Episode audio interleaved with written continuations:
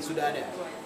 Waktu itu sekarang dia udah nggak muda lagi, tapi waktu dia masih muda sangat mengancam keberadaan kami para basis-basis yang lebih tua 10 tahun. Kayaknya anak kenapa jago banget. Akhirnya gue lah yang muncul dengan sebutan Syulik Diadu. Syadu. Syadu Rasidi. Terima kasih. Gimana dia Mas Ber udah Gimana? undang di podcast ini? Gua gua gila sih. Gua ngobrol sama Sadu nih, dia salah satu pemain bass. Gua pernah ngobrol sama dia deep terus gua nanya, "Dulu lu latihannya kayak gimana sih bisa jago kayak gitu?" Terus dia pernah bilang, "Ini gua nggak tahu masih dijalanin apa enggak, tapi gue inget banget. Pokoknya Mas, aku tuh kalau latihan jam 12, jam 3, jam 6, jam 9." Terus gue nanya, "Du, berarti pagi jam 3 lu juga bangun buat latihan?" "Iya, Mas." Jam 6 lu juga latihan? Iya, Mas. Jam 9 juga latihan? Iya. Masih nggak, Du? Pola Udah latihan itu nggak, masih? udah nggak sih, Udah udah nggak. nggak. Karena Tapi dulu bener kayak gitu ya? Asli bener kayak Every day. Every day. Makanya dulu namanya Syulik Diadu. Dulu kita cuma sampai ujung fret ke 24 dia udah sampai sampai ujung bridge tuh dia masih bisa ngetik. Sampai sini. tapi tapi bener dulu, memang lu bener-bener latihannya se, Iya. se ekstrim itu ya dulu. Ya karena memang waktu itu nggak ada uh, kegiatan lain kan. Hmm. Terus gue juga malas banget sekolah. Hmm. Emang gue cuma pengen main bass. gitu. Ya, ya, ya.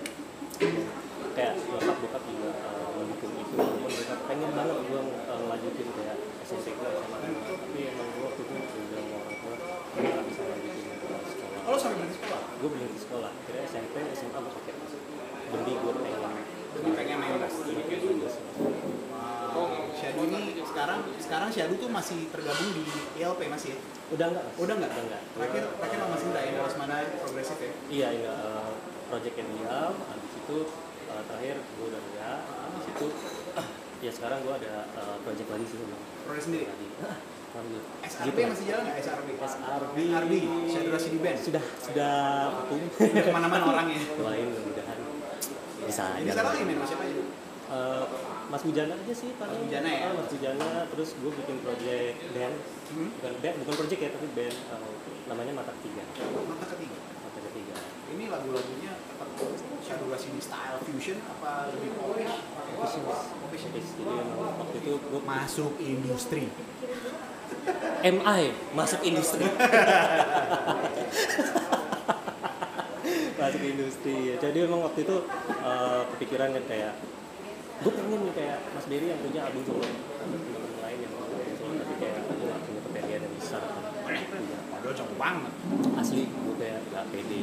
Mempertanggungjawabkan ini gue gak pede. Makanya eh, untuk untuk mensiasati itu kebetulan juga gue ketemu sama teman-teman kawan mata ketiga juga sevisi sevisi. Walaupun nekat sih mas kita bikinnya pas covid kan. Ah, Kita bikin- pandemi malah bikin. ya kita malah bikin. Karena ya ada kerjaan kan. Yes. ya udahlah habis itu kita bikin band dengan tema yang yang unik Ya, ya. Berarti lagu-lagunya lebih kayak self enlightenment gitu dong harusnya. Ya? Pencerahan gitu. sok-sok ketiga. sok-sok pencerahan gitu ya. baru ritual sih Oke, oke. Duh, biasa kalau di Talking with the Bass di Iya. podcast tuh gue selalu tanya gear, gear talk. Gitu. Jadi apa aja sih yang Shadow pakai buat performance-nya Shadow sendiri? Entah on stage, entah di rekaman. Tapi kita nggak bicarain bassnya dulu ya. Iya. Di luar bass nih, Iya. apa yang memperlengkapi apakah efek? Jadi teman-teman sebelumnya gue tuh sangat terbatas ya pengetahuan gue tentang uh, gear dan Hmm. lain sebagainya karena emang sampai detik ini gue masih colbun Colbun, geng colbun banget. Kayak colbun banget terus juga gue gue emang nggak nggak terlalu intuit untuk uh, apa ngulik sound bahkan sampai sekarang aja gue masih kayak blunder gitu loh mas Hmm. kayak sebenarnya sound gue gimana sih Hmm. maksudnya apa sih sebetulnya uh, kayu terus resonans dari tipe ini untuk betul-betul kita kayak gue nih Hmm. gue itu masih kayak jadi perdebatan di kepala gue Oke. banget. Karena gue juga kayak lihat gitu ya zaman dulu kayak John Myung atau siapa pun mereka kan kalau manggung kan raknya Ya, gede-gede gitu. At the end itu untuk mengeluarkan sound dem Oke. itu mohon maaf gitu. Tapi kan pasti beda-beda ya Iya, iya. mungkin beda kayak di sini Hmm. soundnya Iya. distorsi atau gitaris perlu soundnya kalau bass kan intinya cuma dem makanya em, ya udah gue Jadi Shadow tetap memutuskan it's all about apa yang di jari, terus fiturnya di jari. sejauh ini masih itu sih mas kayak gue pakai B3 pun ya itu cuma kayak cuma gue pakai buat kecil Ah. terus ya kalau lagi pengen Bypass banyak kan bypass iya mas buat mengamankan aja ya. cuman emang pas sama uh, party project metal uh, Mas Indra gue ada beberapa yang lain karena kebutuhan, berarti lebih ke kebutuhan performance-nya ya, Iya, Mas. bukan sound-nya Shadow yang definitif. iya mas iya Kalau bass sekarang dulu Shadow terkenal muncul dengan chord Joss Power warna hijau. yang begitu kita lihat, bisa gini bunyinya? itu sok ini lagi Powell. sok tenor lagi So, eh tenor ADGC ya? Oh ADGC, oh ADGC ya. Janek Twistala sebelum waktunya tuh. Matthew Garrison sebelum waktunya. Pokoknya dulu kalau main Shadow tuh bawaannya langsung stres gitu. Gua- mana ada bener gua Christian Dharma tuh kita kalau duduk kayak kita ngapain lagi ya sekarang gitu kayak Eh, tapi ya pada padahal diem-diem tuh uh, gue juga mengulik uh, apa mereka lebih dulu ya maksudnya artinya gue juga uh, mengulik pengalaman gue tuh sama Christian. Kan gue tinggal di kosannya Christian lama. Iya lu kan spend waktu sama yang lama tuh ya? Gue hotel kosannya Cinere Maksudnya- zaman Cinere ya? Eh yang bukan. Antasari. sebelum yang Antasari ya justru ya? Kan Cipete nih. Ah Cipete. Sebelumnya ada. Oh iya Antasari Di pinggir jalan banget. Gue sempet gue sempet hadir tuh. Bayang Christian baru datang dari Bali, gue samperin ke ke kosannya di Antasari. Gue inget tuh, lantai dua kan. ada dua. Dia ngajarin gue slap pertama Gila gue ya. kabur dari rumah Padahal abis itu tapi curhatnya sama gue, kita ngapain ya bayar kita lat- dia latihan tuh. Orang pulang pulang kerja latihan jam 2 pagi latihan demi bisa mengejar. Kan gue udah bilang sudah diadu, gue selalu bilang, space udah relax aja, gak usah kita ajak. Yang diajak balapan, udah beda tracknya. Gue udah di sana tuh. Enggak, tapi tapi ini ya jadi emang jadi emang kejadiannya lucu mas waktu Hmm. itu uh, Matthew saya sebetulnya yang kenalin Ya, Matthew, paling banyak mengajak dalam pergaulan tuh Matthew gue betul dia tuh model legenda Hmm. Terus terus terus. mobil Tino Iya, iya, iya. iya. itu dia nemuin uh, gue ke Christian ya udah sejak sejak itu emang uh, pergaulan gue jadi jadi Oh, karena waktu itu sih eh, Christian banyak nongkrong sama si ini ya, gitaris kan, gitarisnya Matthew. Siapa namanya? Aduh. Lupa gue. Ra- Rahman. Rahman ya. kan? Rahman. Eh, Soul Train, Soul Train. Itu gue belum pakai jospol mas Belum ya? belum punya bass Pakai apa? Punya apa? Punya bahasa aja sebelumnya ada. Masih pakai masih pakai bassnya Kak Chris Kak Kre. Terus setelah Jospol, sempat pakai Alembic ya? Jo oh pertama jospol Hmm. habis itu gue beli yang empatnya RB-nya ya, RB RB-nya ya. empatnya. Seri RB. habis itu iya pakai alembi Alembic ya? Alembic 6 apa 5? 6 6 ya? enam itu waktu itu gue Tapi nggak beli bikin Frank kayak Reno kan? Nggak bikin ADGB kan? enggak mas ya ada GBE, reng, kita kita bikin fish. Bikin fish, Hmm. Buddha Dickens, fish. kalau enggak kita bikin bass senar satu. Tapi fretnya 128 bisa colok mangga.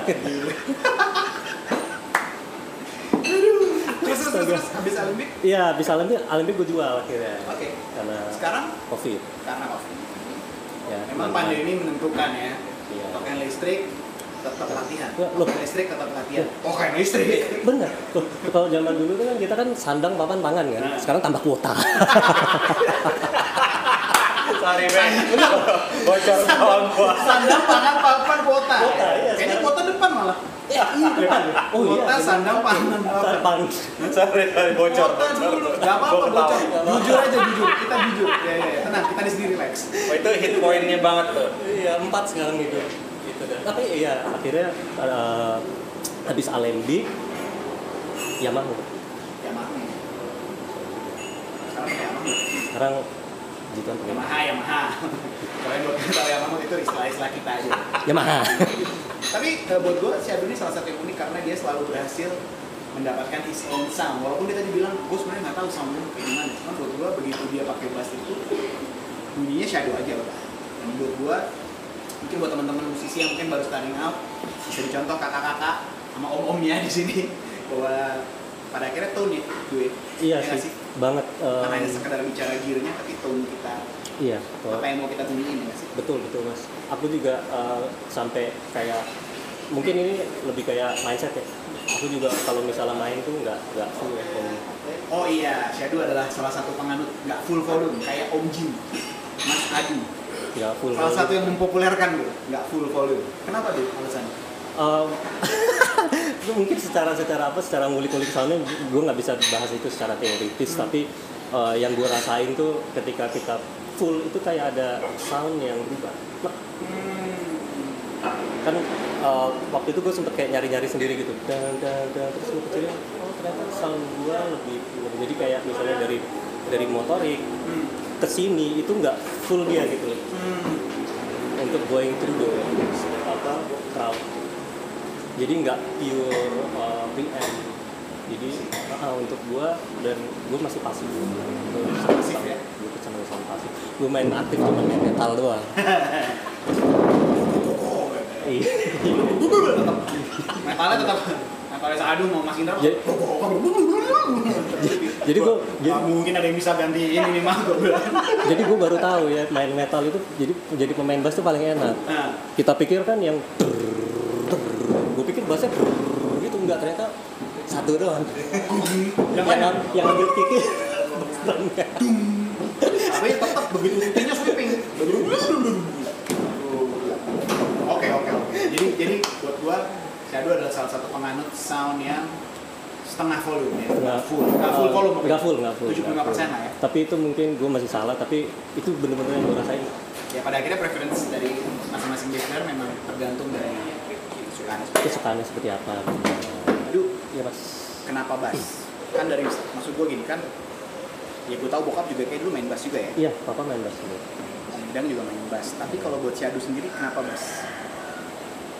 ya gara-gara jago sih gue Gara-gara jago iya, ya? gara-gara jago Semua gara-gara jatuh. pertanggung jawabannya berat sekali Iya iya iya iya. iya. iya nggak ada kayak pas denger Birdland tuh kayak wow. Cing, gue harus bisa gitu. Yo, iya, Gitu. bahkan saat uh, itu berapa deh itu album tahun berapa mas? Gue masih kecil. Itu kan tahun original tahun 75. 75 kan? rilisnya. Gila, gue denger itu ya SD lah. Hmm. SD waktu itu kayak gue cuman pakai raket sambil ngaca-ngaca Nah, nggak tahu gimana caranya di India aja nggak tahu gitu Iya, iya, soalnya iya. digituin tapi emang kita waktu itu pada masa itu kan visual nggak semudah sekarang ya orang tinggal buka. YouTube ya. bener banget terus emang waktu itu kayak nggak ada instrumen lain yang pengen gue pelajari sih Emang langsung cuman waktu itu bokap malah nggak beliin gue bass mas Hmm. dia uh, maksa gue banget untuk main perkusi dulu awalnya Ah. jadi gue latihan sampai dimasukin sanggar gitu gitu lah tapi emang bokap emang perkusif banget kan. Hmm. dia main keyboard pun sangat perkusif. Gitu. iya mas dia pengen banget rhythm gue dulu yang jadi habis itu baru gue dibeliin bass umur 12 12. 12 tahun Setelah belajar bass berapa lama? Eh, setelah belajar perkusi ya Perkusi kan. um, gue main perkusi dari umur 7 Nah, setelah tertarik dengan bass baru dibeli umur 12. baru dibeliin umur 12 tahun pangeran Pangeran. Belinya di Gramedia, Bogor. Pangeran. Yang ngerti-ngerti aja ya bass pangeran itu apa. amplinya silver crest Sih. Paketan nggak sih? Waktu itu enggak mas Oh enggak ya. Kalau terakhir-terakhir paketan soalnya. Sempet ada paketan. sempat ada paketan dapat ampli, beli Tapi- ampli dapat bass. Iya. tapi gue waktu itu itu bass pernah dilempar sama bokap ke lembah Kenapa? si Prince itu Kenapa? jadi kan jadi waktu itu dia cuma beliau kan cuma beliin gue bass doang Ah. amplinya belum Hmm. jadi kalau latihan tuh ke pintu Oh, nempel di Gila kita semua pernah ngalamin itu ya, nempel di pintu ya, biar bunyi. gimana biar bunyinya Ya. kencang ya. Nah dia cuma pengen gue tuh naruh bass itu di atas kasur gua terus ditutup pakai sarung. Ah, bass baru dong. Ah, latihan pakai malam. Lupa besok sekolah. Ah. tidak ada akhirnya. Tidur buat bangun. Hmm. Bangun itu bass gue taruh di bawah di bawah juga Ah. di dalam lantai gue cabut sekolah akhirnya. Nah, di hari yang, yang sama bokap main di jams Mhm. gue balik pikiran gue kan ambil jalan bas bas bas bas main bas nih. Latihan latihan. Main latihan. Masuk. Nggak ada bas gue pikiran gue wah ini abang gue nih iseng nih ya kan yang masuk siang iseng nih. Ternyata? Abang gue balik bang lu mau bikin bas gue lo deh bas lu dilempar jadi rumah ini rumah gue nih ini kebun singkong lembah Bogor kali. nih? Bogor Mas. dilempar mas Dup, gitu. Udah nungguin biar satu yang ngambil gitu kan ya udah akhirnya kita cari dapat tuh. Itu bass gue dapet aduh deh mending lu, lu bersihin deh tuh bass udah gue bersihin. Itu ya. Pas dia datang gue dengar suara mobilnya gue udah takut banget. Hmm. gitu. Karena udah pasti dia yang Marah nih. marahnya parah banget. Emang waktu itu juga masuk nggak ngasih salam langsung sadu mana? Hmm. langsung gitu. Ah itu gue abis. Lu baru dibeliin bass murah aja. Kalau jagain. udah lu jagain. Tapi lu tuh sorry abis nginjek kotoran apa segala macam sama lu hidup lu sama tit sejak itu mas Jadi ada pencerahan, makanya begitu dia bicara tentang ini lampu langsung nyala. Pencerahan. hadir tapi ya bener ya maksudnya Ya, ya, ya. bokap lebih banyak ngajarin yang kayak gitu gitu sih Berarti yang nggak hanya dari sisi technical tapi juga filosofikalnya juga diajarin sama bokap. kebanyakan justru malah Lebih banyak filosofi. malah dari technicalnya aku ngeliat teman-teman kawan-kawan ngumpul pas di Farabi justru aku malah boleh belajar Farabi karena bakat saja. Karena bakat aja. Tak cuks. tak cuks walaupun Tapi gue ya- cuma tiga bulan tapi tapi maksudnya Syadu ngalamin era berkumpul ya maksudnya dalam artian kita kan dulu memang komunitas basis tuh kumpul gitu ngobrol Iya, puji Tuhan Syadu itu. masih ngalamin ya puji Tuhan banget maksudnya kok ya dilala beruntung Ya, maksudnya ya. bisa bisa duduk bareng gitu. mengalami era itu ya? Mengalami era itu kita Iya, di cuma Citos. begitu lo datang juga kita yang deg-degan gitu. Ya ini anak datang lagi. Itu itu Citos. Ini yang bikin kita pengen berhenti main bass nih. Jadi Citos kita kalau bisa bikin KTP kita bikin KTP Iya, itu parah sih dulu tiap tiap Iya. Senin apa tiap Rabu dulu kita ngumpul. Iya. Nah eh, Du kan Yes. lu main Mas. Bujana ya kan? Plus harus main dengan lain lumayan sulit-sulit ya. Gue dengerin beberapa album tapi- gue gila sih ini tapi album. sumpah gue kayak session murka gitu loh mas. Gue menyebut diri gue selalu ketemu yang begitu begitu. Mesti mesti ngikutin permainannya orang-orang kacau yang ada di Iya. albumnya dia ya. Aduh itu dah. Makanya kita gue gue gue Martin ya. Nah, nah. itu tuh kayak nih tahun depan apa lagi bikin apa lagi nih? Gitu ya iya bikin apa Nah, lagi? dari semua pengalaman lo perform sama kayak Mas Bujana atau Mas Mas. Indra, ada nggak performance yang menurut lo ini ini the best performance ever nih buat gua sejauh ini ya sampai saat ini kita ngobrol. Kita nggak tahu mungkin di depan aja akan ada lagi tapi sepanjang pengalaman lo selama ini ada nggak? The best performance ever sama the worst performance ever yang paling parah yang paling jelek. Sama Mas Bujana sih ada sih ada. The best? yang the bestnya ya maksudnya Gimana yang betul-betul itu kayak oh gue ada di sejarah ini waktu itu ya. Pas dua di Guruji pas John John McLaughlin McLaughlin Bali ya? Di Bali. Wow. Itu Gary ya, Gary Husband Masa siapa ya? Etienne. Etienne. Etienne Sarung tangan? sarung tangan. Jadi gue nanya sama dia. Hmm. terus sarung tangan lu kenapa pakai sarung tangan? Dingin Gua pi- aja Oh, sebenarnya hampir kayak gitu jawabannya hampir kayak gitu sebenarnya. Gue pikir karena sound kan hmm. ternyata enggak mas karena gua tur gua tuh males ganti senar. Jadi just pakai ini untuk keep clean. Oh gitu. Keep clean man. Jadi bukan kayak kayak si kalau si Scott Scott Baez Lesson kan memang karena dia sempat ngalamin vokal dystonia kan? Iya, Terus dia iya, harus pakai iya. sarung tangan buat menipu. Menipu otaknya bahwa sebenarnya nggak lagi megang bass gitu kan? Oh, gue. iya itu kan konsepnya dia. Jadi gue pikir tadi Etienne oke. Mbappe ngalamin itu ternyata enggak ya? Ternyata enggak mas. As simple as gue malas ganti senar gila ya musisi banget ya ternyata ya banget John McLaughlin loh pada John levelnya McLaughlin. Tapi di, di situ kenapa gue bilang itu spesial buat gue karena di situ gue lihat eh, ritual mereka yang luar biasa. Maksudnya mereka sampai mereka minta studio buat latihan. tetap latihan Latihan. Selevel mereka tetap latihan? Selevel mereka mas. Maksudnya mereka tuh habis tur kan. Aha, Dan di Bali itu tur tur terakhir mereka. penutup tutup. Nah terus eh, apa? Paginya kan malamnya lati- latihan di venue. Hmm. Paginya dia minta eh, clear area untuk latihan. wow Siang dia minta clear area lagi untuk latihan. wow Mereka itu main jam jam 10 malam, kita main jam 7. Hmm. Sore jam 4 ya sebelum main. masih Dia minta clear area buat latihan. Makanya itu kita sama Bujana yang ini orang gak ada. ternyata level of excellence yang mereka tetap ya maksudnya mereka percaya bahwa persiapan itu tetap penting Iya. even sekelasnya maksudnya John McLaughlin kan main sama Miles Davis gitu kan udah Iya, kind of blue ya, gitu ya. Gila mas. ya kan di album apa Jack Johnson tribute Kind of blue. kind of blue eh, kind of blue enggak Jack Johnson Jack Johnson tribute, kan iya, iya, yang iya, dia iya. mulai main tuh kan sebelum akhirnya masuk ke era fusionnya si Iya mas. tetap latihan nih dan lo ngeliat sendiri Gue sama Bujana tuh sampai gila nih orang gak ada capeknya latihan. tapi tunggu berarti yang bikin lo selain itu eh, best performance best experience karena selain kayak gitu penontonnya juga dong masih pada saat itu? Karena ya bayangin mas, eh, kita maksudnya gini bentuk apresiasi itu kan bagian kalau gue sebagai manusia gue perlu itu. Hmm. maksudnya gue gue nggak bisa ngebohongin diri gue bahwa gue perlu tangan Ya, ya. gue perlu dong, energi iya itu. harus itu kan yang sebetulnya yang kurang di di sini. Gue harus sorry gue harus ngomong. Wah, pada saat itu di Bali memang karena Aflin jadi kan tamunya pasti dari Australia. Penonton yang ngerti. penonton yang mereka tahu musik. Appreciate musik. mereka appreciate setiap kita dulu solo after kita dulu solo mereka appreciate itu. Berarti karena mereka datang dengan mindset John Coffin dan kemudian juga Mas Bujana, jadi mereka memang sudah datang untuk prepare untuk menonton sebuah pertunjukan dengan sebuah apresiasi yang betul mas. Betul mas.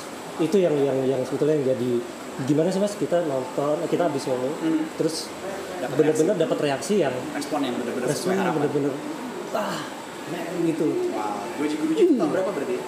Anjir, gue lupa jadi ya 2017 apa 17 kali ya? 2017 Itu di Bali di mana itu? di Ubud mas Ubud ya? di Ubud gitu. Nah, yang worst performance, terburuk. sama Bujana ya Nggak sama Bujana, sama siapa pun ini. Oh. Konteksnya sama siapa? sebenarnya eh, ini best juga tapi worst buat gua Ah, waktu gue main dapat kesempatan gue main sama Badian di Bob di, di, Di Jepang KL. di KL eh di Jepang Oh di Jepang, di Blue Note Blue Note ya? iya karena karena gue waktu itu eh, bahasa Inggris gue yang berantakan eh, di situ ada miskom gue sama dia Hmm. itu itu kesalahan gue fatal banget iya. jadi waktu itu dia eh, dia percaya banget sama tuning si tuning tukang tuning pianonya yang di Blue Note itu Aha. waktu itu gue gak ngerti kalau dia ternyata uh, sen- sensitif dengan yang itu gitu dia nanya e, lu mau ikut tuning yang ini yang si bapak ini atau lu mau ikut tuning di tuner lo Hmm. harusnya gue ikut dia dong Hmm. tapi gue waktu itu karena muda gue gak ngerti apa-apa ya kan tiba-tiba gue dapat kesempatan yang buat gue di luar ekspektasi gue Iya. gue bilang gue ikut tuner yang ini Hmm. jadinya dia harus gua harus nekan deng terus dia dia ngikutin. Di situ bab marah. Dan gua nyesel sampai gua pulang aja gua gak ngerti dia marah sama gua kenapa. Baru gua ingat-ingat lagi gua ingat lagi shit ini kacau nih gua nih. Salahnya di lu ternyata. shit gitu kayak anjing ini Padahal gila ini." kemungkinan ada tur tuh di depan tuh kali dulu ya. bener pikiran lu pikiran lu bener. Gue langsung yang anjir gue nyesel banget gitu. Ah, ini kenapa sih di situ ya bestnya di di di Blue Note gue lihat di situ yang kerja bener-bener keren mas Hmm. itu gue ganti senar Ah. ini dia seru nih gue ganti senar dia dia bilang biar gue aja yang jalan bass gue Iya, iya. kru bass gue ke backstage kan Ah. gue nunggu dia Blue Note Tokyo nih ya. belum Tokyo mas Ah. Dia datang ini ini senar bass lo mau gue pasangin apa yang lu pasang sendiri Iya, iya. biar gue pasang sendiri pasang mas ini ini ini ini, ini, ini. di B Hah? putus ininya Di bawah. yang di Iya. nah, putus des aduh ini gimana ini Hmm. itu ya uh, kru bass gua maksudnya gini kru bass di Blue Note itu kan dia megang semua ya maksudnya pernah main di Iya, sana juga iya, kan iya. Uh, dia pasti pernah megang Kristen Mark. Iyalah, semua nama di gede. semua Marcus Miller. Marcus Miller semua dia yang bantuin. Iya, iya. itu dia sampai gini. Dia sampai begini-begini badannya minta maaf sama gue gue bingung. Salah lu- Dia salah dia salah bersalah. di mana? Enggak kayak ini gue yang mutusin. Enggak enggak ini salah lu tunggu sini. Gue akan bawain senar B. Dia pergi dia balik lagi dia bawain senar B dengan eh, apa merek yang sama yang pikiran gue adalah dia kan ntar berarti harus beli satu set lagi Iya, dan cuma bawain si B cuman bawa gue cuman buat bawain gue senar B itu Hmm. gitu. makanya seprofesional gue kadut mas soal pakai standbook di meter Hmm. Bener-bener ukurannya sesuai. iya Wow. terus gue juga kan ada tiga tempat tuh mas gue main di Nagoya terus Yokohama baru kan yang terakhir Iya. Tokyo itu soundcheck gue ya di Nagoya di kota pertama Sisanya udah tinggal jalan. sampai Luis Pragasam tuh bilang e, tadi nih orang Jepang ini gila coba lu puter treble lu sat- setengah mili deh Dia tahu berubah. dia tahu juga Wow. dia tahu juga Ya itu sih ya. Kalau sampai di sana ya. kemarin pakai sound yang ini Wow, dia bener-bener kuasain.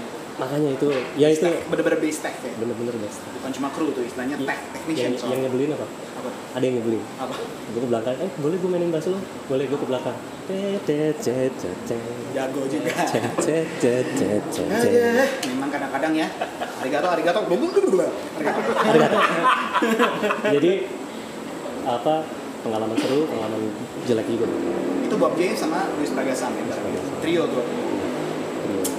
Wow. Oke, Du. ya mas Ini minum lagi dong. oh ya Ini apa tadi? Black Ini- Pineapple ya? Black Pineapple. Ini enak banget Black Pineapple di 98 Coffee and Bar. seger Seger. Cari aja nanti ya. Search aja. iya, iya, iya. Oke, Du, terakhir Du. Hmm, what's next buat Shadow Rasidi selain tentunya mata ketiga as a bass player, apalagi yang ada di depan? Apakah mimpi lo, apakah plan lo ke depan?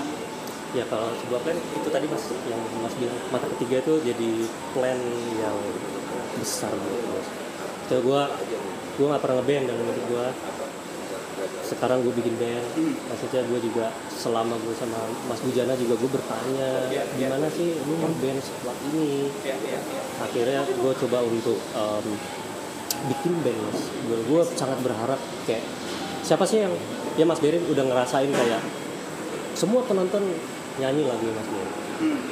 Mas Berin cuman gini aja mereka nyanyi Ya, ya, ya. itu gue pengen ku apa merasakan eh, keseruan itu I see. pengen banget sebagai manusia Jadi memang saat ini ke depan Shadow Rasidi akan fokus dengan mata ketiga musiknya kayak apa sih, Du? Eh, gue Kan belum rilis nih. udah Kapan dua rilis? Oh, udah dua rilis. udah dua mas Oh, udah rilis tuh. udah dua Udah bisa di semua digital platform? udah Oke, Udah. dari teman-teman udah bisa dengerin di semua digital platform udah ada dua lagu judulnya apa aja? Ilusi dan batas waktu Ilusi dan Basma. yang kedua panca indera Wow. kita lagi mau Gambaran musiknya dong dulu. Simpelnya mungkin influence-nya atau jadi em, kita temanya spiritual oke. Oke. jadi mata ketiga adalah spiritual karena Bilala eh, salah satu gitu lah ya. ya ceritanya tapi karena memang vokalis kita punya kemampuan yang lebih Hmm. jadi kita ngambil eh, apa influence justru dari dia banyak dari dia Jadi, Hmm. oke ternyata begini ternyata begini Oh, oh ini in terms of ini in terms of pembuatan lagu dan filosofi Iya, Mas. bandnya. iya mas di situ Kalau arah musiknya? arah musiknya etnik udah pasti karena kita ada dua kan pemain sadatana sadatana tuh kayak udu sebetulnya Oke. tapi dia Oh, jadi ini mencampurkan dengan instrumen tradisi ya? iya mas Neo tradisi dong berarti. yoi yoi Cakep. suling Hmm. terus ada tanah talempong dan beberapa instrumen kecil-kecil lainnya sisanya ya modern gitar piano punk Wow. Shadow Rasidi guys. Oke, thank you banget Shadow merasa buat waktunya. Thank you banget udah membagikan pengalamannya ke teman-teman. Mudah-mudahan semua bass players di luar sana dari Talking with the Bass ini bisa dapat sesuatu dan bisa menginspirasi kalian semua juga. Oke, sekali lagi Shadow Rasidi, makasih banyak mas Ferry Mawa, 98 Coffee, Talking with the Bass signing out. Bless you.